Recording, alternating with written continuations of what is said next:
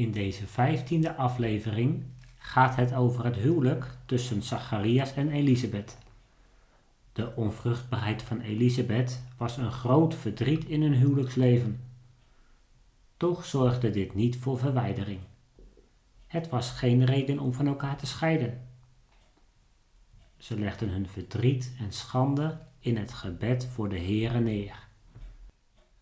Zacharias is in huis een echte priester geweest. Huisgodsdienst is levensveranderend, binnen en buiten het gezin.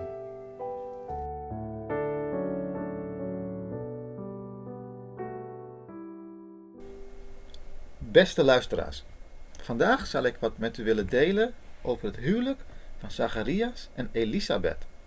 Laat ik beginnen om een korte introductie te geven over dit echtpaar. Zacharias was een priester en zijn vrouw Elisabeth behoren tot de familielijn van Aaron de priester. Voor de buitenwereld een bijna ideaal echtpaar zou je kunnen zeggen. Vrouw getrouwd met een gerespecteerde priester en haar familielijn kon je helemaal traceren naar de priester die met Mozes was. Nou, dat is een hele belangrijke profeet, vooral voor de Joden. Wat een eer, zou je zeggen. Maar ze konden echter geen kinderen krijgen. Elisabeth was namelijk onvruchtbaar. En dit echtpaar was ook nog eens op leeftijd. Dat was voor die tijd en cultuur een schande. Maar het was wel een echtpaar van gebed. Want ze brachten dit verzoek dat ze geen kinderen konden krijgen naar de Heer. Dat ze wel een kind mogen krijgen. De mensen keken hem misschien met verdachte ogen aan. Ze hebben misschien een zonde gedaan. Daardoor krijgen ze geen kinderen. Zouden mensen kunnen denken. Maar in de ogen van God, lezen we in Lucas hoofdstuk 1, vers 6, zijn ze beide rechtvaardig voor God en wandelen onberispelijk volgens alle geboden en verordeningen van de Heere. Ik ga verder. Zacharias was, zoals ik al eerder zei, een priester. En in die tijd schenen er duizenden priesters te zijn. En, er was een, en het was een gewoonte dat van al die priesters er een loting plaatsvond dat iemand van die priesters de tempel van God kon binnengaan. Met als doel om een reukoffer te brengen. Het lot viel dit keer op Zacharias. Kun je het voorstellen? Wat een moment dit zou zijn geweest? Dit was een eens in je leven kans.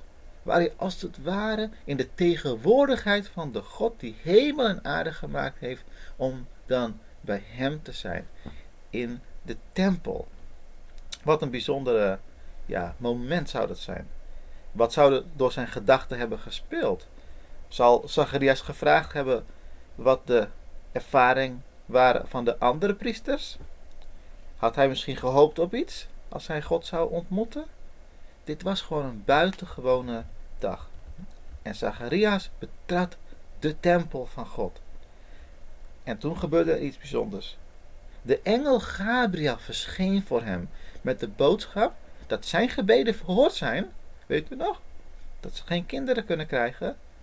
Maar Zacharias, die dit hoorde, toonde toch ongeloof.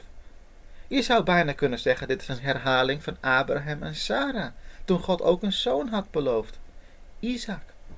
Maar ze waren ook op leeftijd. En net zoals Zacharias dachten ze van ja, dat is toch eigenlijk menselijk gezien onmogelijk. En zijn vrouw is op leeftijd en ontvruchtbaar. Nou, door zijn ongeloof heeft God ervoor gezorgd dat hij niet meer kon praten totdat zijn zoon Johannes de Doper geboren werd. In het licht van Bijbels huwelijk wil ik een aantal punten met jullie delen. Wat we kunnen leren van dit huwelijk. Laat ik beginnen te zeggen dat dit een huwelijk was voor Gods aangezicht. Weet u nog? In Gods ogen waren ze rechtvaardig en hielden ze aan de wet en alle verordeningen. Je zou kunnen zeggen, maar dat kan toch eigenlijk niet? Zegt niet de Bijbel dat niemand rechtvaardig is? Nee, niet één? Iemand kan toch alleen rechtvaardig worden verklaard op grond van het geloof in Christus? Het is een rechtvaardiging dat ons buiten ons om wordt toegerekend door God. Dat klopt helemaal, maar we zien in de Bijbel dat er meerdere mensen voor Christus rechtvaardig werden genoemd. Denk aan Noach, denk aan Abraham. Ze waren rechtvaardig omdat ze toch erkenden dat ze zondags waren die een redder nodig hadden. Ze geloofden daarmee in de Verlosser. En God rekent hun de rechtvaardigheid toe door geloof. Zacharias en Elisabeth waren Gods uitverkoren kinderen. Maar dat betekent niet dat ze wetteloos gingen leven. Ach, ze geloofden, dus het maakt niet uit. Nee, helemaal niet. Je zou kunnen zeggen, vanuit een menselijk perspectief waren het hele respectabele, gehoorzame mensen. Maar vanuit Gods perspectief waren ze dat in een, op een bepaald vlak ook niet perfect, maar God zag dat, het, dat ze het deden vanuit hun hart. Vanuit hun hart. En wat een contrast was dat met de religieuze leiders van die tijd. De Heer Jezus sprak harde woorden tegen ze. Zo zei hij: Dit volk nadert tot mij met hun mond en eert mij met de lippen, maar hun hart houdt zich ver bij mij vandaan. Matthäus 15. En ook wee u, schriftgeleerden en fariseeën, huigelaars. Want u reinigt de buitenkant van de drinkbeker en van de schotel, maar van binnen zijn ze vol van roofzucht en onmatigheid. En toen de fariseeën vroegen wat de Heer Jezus vond van scheiden, hè, want ze scheiden in die tijd om allerlei redenen, ontmaskert de Heer Jezus het menselijke hart. Door te zeggen dat vanwege de hardheid van de harten is het toegestaan om van een vrouw te ja, scheiden. Maar, zegt hij, van het begin af is het niet zo geweest. In het leven van Zacharias en Elisabeth hielden ze aan de geboden van God niet zoals de fariseeën het deden voor de buitenkant. Nee, Zacharias en Elisabeth deden wat God hun opdroeg vanuit hun hart. Het is gehoorzaamheid vanuit het hart, uit liefde voor God. En God ziet dat. Het is zoals de Heer Jezus zei, dat als u hem lief heeft, dan doe je wat hij zegt. Het was geen hypocriete geloof. En dus was het ook geen hypocriete huwelijk. In voor- en tegenspoed was hun geloof voor het aangezicht van God. En dat brengt me naar het volgende. Weet u nog? Elisabeth kon geen kinderen krijgen. Schrijf je eens in de schoenen van het echtpaar als de cultuur je dan toch met verdachte ogen gaat aankijken.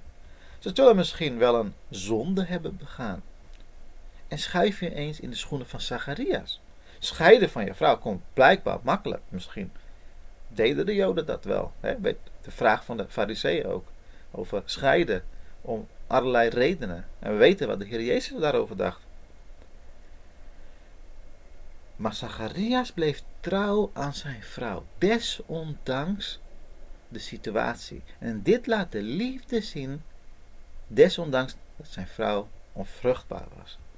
Weet u, liefde is net als je gaat trouwen met een prachtige vrouw. Maar op een gegeven moment wordt ze ouder en is ze niet meer aantrekkelijk.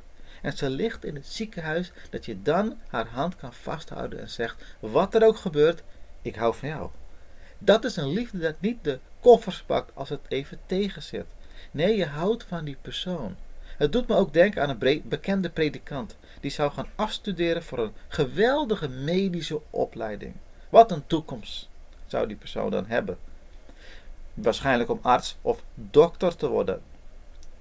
Maar tijdens zijn opleiding ontmoet hij een dame en hij raakt verliefd op haar. En de vader van de dame is ook nog eens dokter. Nou, je raadt het misschien al. Natuurlijk wil die vader dat, dat uh, haar dochter trouwt met iemand. Dat past bij hun familie. Maar toen kreeg deze man een ongeluk. En, en dan heb ik het over de man die later predikant zou worden. Hij kreeg een ongeluk en toen werd zijn leven veranderd. Op een of andere manier werd hij heel geïnspireerd om predikant te worden. Want ja, verder studeren aan de medische school, dat uh, wou hij niet meer. Hij kreeg op een of andere manier een bezinning. Ja, wat nu? Niet meer een opleiding doen om dokter te worden, wat nu? Wat zou zijn vriendin zeggen waar hij waarmee hij wil trouwen? Wat, zal, wat zullen de ouders zeggen? Zal zijn vriendin nu wel met hem willen trouwen? Met een predikant? Ja, dat is toch anders dan een dokter of arts, nietwaar? Zal ze hem afwijzen? Weet u wat ze zei? Ik verwoord het even in mijn eigen woorden. Maar ik wil trouwen met jou, niet met wat je doet. Ziet u het? Dat is liefde. Een liefde dat ook flexibel is als het leven even niet goed gaat. Een liefde dat niet zozeer er is omdat je ergens goed in bent, of om je status, of om geld, of wat dan ook. Nee, dat is zo zelfzuchtig. Niet dat, dat, niet dat, dat, niet dat geld bijvoorbeeld onbelangrijk is. Dat wil ik helemaal niet zeggen. Het is ook belangrijk om voor je gezin te zorgen. Maar als het daarom gaat en als dat ja, op, eh, door bijzondere omstandigheden er niet meer is, word je dan teleurgesteld? Hou je dan niet meer van een persoon? En dat soort dingen gebeuren. Dat mensen toch trouwen voor een bepaalde status, voor een bepaalde lifestyle zelfs. Maar als dat wegvalt, worden ze gedumpt. En mensen worden teleurgesteld. En misschien heeft u dat meegemaakt. En uiteindelijk voel je dan toch wel gebruikt. Iemand zei wel tegen mij: Ik heb je lief, maar het was eigenlijk om zichzelf lief te hebben. Je bent waard om wat je doet en niet zozeer om wie je bent. En zo had Elisabeth een probleem, ze was onvruchtbaar. Maar Zacharias hield nog steeds van haar. En in die tijd had je ook nou, geen dating sites of dating apps.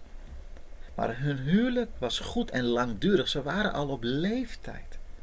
Laat dat ook een les zijn voor ons. Al die apps van tegenwoordig helpen de mensen weliswaar om snel contact te hebben, maar veelal zijn die ontmoetingen oppervlakkig van aard. Relaties worden ook oppervlakkig. En het is niet houdbaar voor een levenslange relatie zoals een huwelijks. En we weten ook dat als iemand maar ja, een oppervlakkig relatie heeft, hoe houdt het dan stand op de lange termijn wanneer de moeilijkheden komen van het leven? En het leven is als een reis. En dan heb je niet zoveel aan mensen ja, die om oppervlakkig reden samen met jou zijn. Dan het volgende punt. Het huwelijk van Zacharias en Elisabeth was ook, daar speelde gebed een centrale rol. Ik heb het al vaker gezegd, ze kregen geen kinderen. Nou, wat doe je dan? Boos worden op God? Boos worden op jezelf? Jaloers dat anderen het wel hebben? Je constant onder druk voelen wat anderen over je denken? Gevoelens dat je hebt gefaald? Zacharias en Elisabeth hadden een beter plan. Ze brachten dit leed in gebed. En nogmaals, in die tijd en cultuur was het een schande om geen kinderen te krijgen. Maar tegenwoordig lijkt het bijna wel een schande als je kinderen krijgt. Vooral als het meer dan vier zijn. Ik hoorde van een gezin. Die hadden volgens mij iets van meer dan zes of zeven kinderen. Dat, dat mensen raar aankeken dat ze zoveel kinderen hadden. Ja, we zijn nu in een tijd zoals deze ja, beland. Dat het bijna een schande is om wel kinderen te krijgen. En wat een contrast is dat als we naar de Bijbel kijken. Hoe godvrezende vrouwen verlangden naar kinderen. Nou, terug naar gebed. Gebed is dus een sleutel voor een goed huwelijk. Zacharias vervulde als priester al de taak van gebed. Hij ging ook naar de tempel. Hij was ook een gerespecteerde priester. Maar hij vervult deze priesterlijke taak ook in huis. En in huis zijn, zijn zijn gebeden ook net als ook dat opstijgt naar de hemel. En dit is de taak van elke man. U heeft een priesterlijke taak. Daarnaast als priester ken je het woord van God ook. Zo is het belangrijk dat een priester in huis het woord van God gaat openen en gaat bestuderen. Nou, huisgodsdienst is een mooie en eeuwenlange traditie wat zou moeten leven in de harten van gezinnen.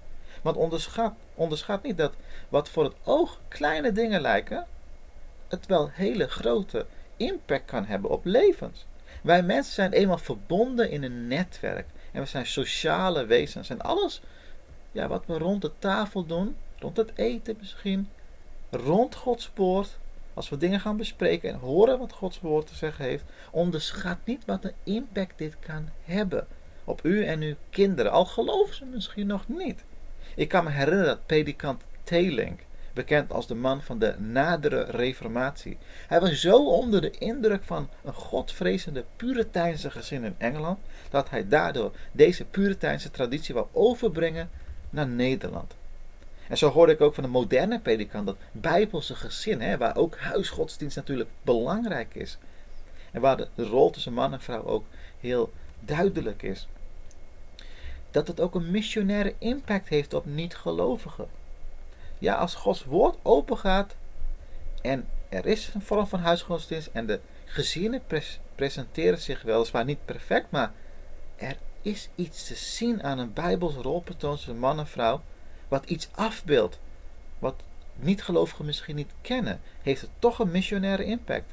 Zo, um, um, net als Telink, kunnen mensen daardoor ja, zo verbaasd worden en zich afvragen: wat is dat? En het wekt nieuwsgierigheid op. En het laat een stukje van de schoonheid van het evangelie zien dat gereflecteerd wordt in de gezinnen. Ik heb dit verhaal wel eens vaker verteld. Dat is in Dubai was een christelijk gezin die in een hotel verbleef. Een godvrezend gezin. En huishoudens in een hotel kwamen naar, naar ja, hun kamer. En ze werden onder de indruk. Ze werden, ze werden ja, eh, onder indruk geraakt van een bijbels gezin. Hebben ze niet gezien. En daardoor kwam er een ingang om het evangelie van Christus te vertellen.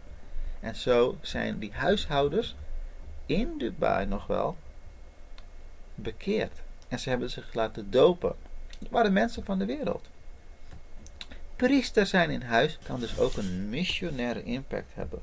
En dat laat een prachtig stukje ja, karakter zien van wie God is. Een hart van God dat zich uitstrekt naar zijn kinderen die hij tot zich roept. En hij kan ons daarvoor gebruiken als instrument om het evangelie te vertellen. Dus gebed en Gods woord praktisch inzetten, inzetten in de gezinnen heeft een zegenende effect. Dat hebben we ook gezien in het verhaal van Zacharias en Elisabeth.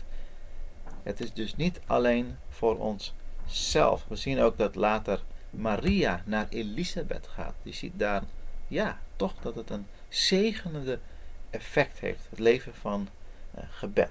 Nou, ik ga eindigen. In de ogen van de mensen dachten ze misschien dat dit gezin een vloek had van God. Ze krijgen geen kinderen. Dat moet iets zijn. Maar God had er een bedoeling mee. Want Johannes de Doper werd geboren. Want wat voor de mens niet mogelijk was, was mogelijk voor God. En wat voor de mens een vloek leek, zo werd Christus een vloek aan het kruis. Want Johannes de Doper bereidde de weg voor voor Christus die de ware vloek heeft gedragen aan het kruis. En daarmee laat God zien dat hij herinnert aan zijn belofte. En dat is precies wat de namen Zacharias en Elisabeth betekenen. Zacharias betekent God herinnert en Elisabeth betekent Gods belofte. God herinnert aan zijn belofte. Is dat niet een prachtig echtpaar? En mogen we daarom, en daarom mogen we vertrouwen op hem, net zoals Zacharias en Elisabeth dat deden. Leven voor, Gods aangezicht. En dat geldt ook voor het huwelijk. Priesters zijn in onze gezinnen. En in welke gebrokenheid je ook zit. Dat we dan mogen vastklampen aan God. En wees dan verzekerd dat God er een bedoeling mee heeft.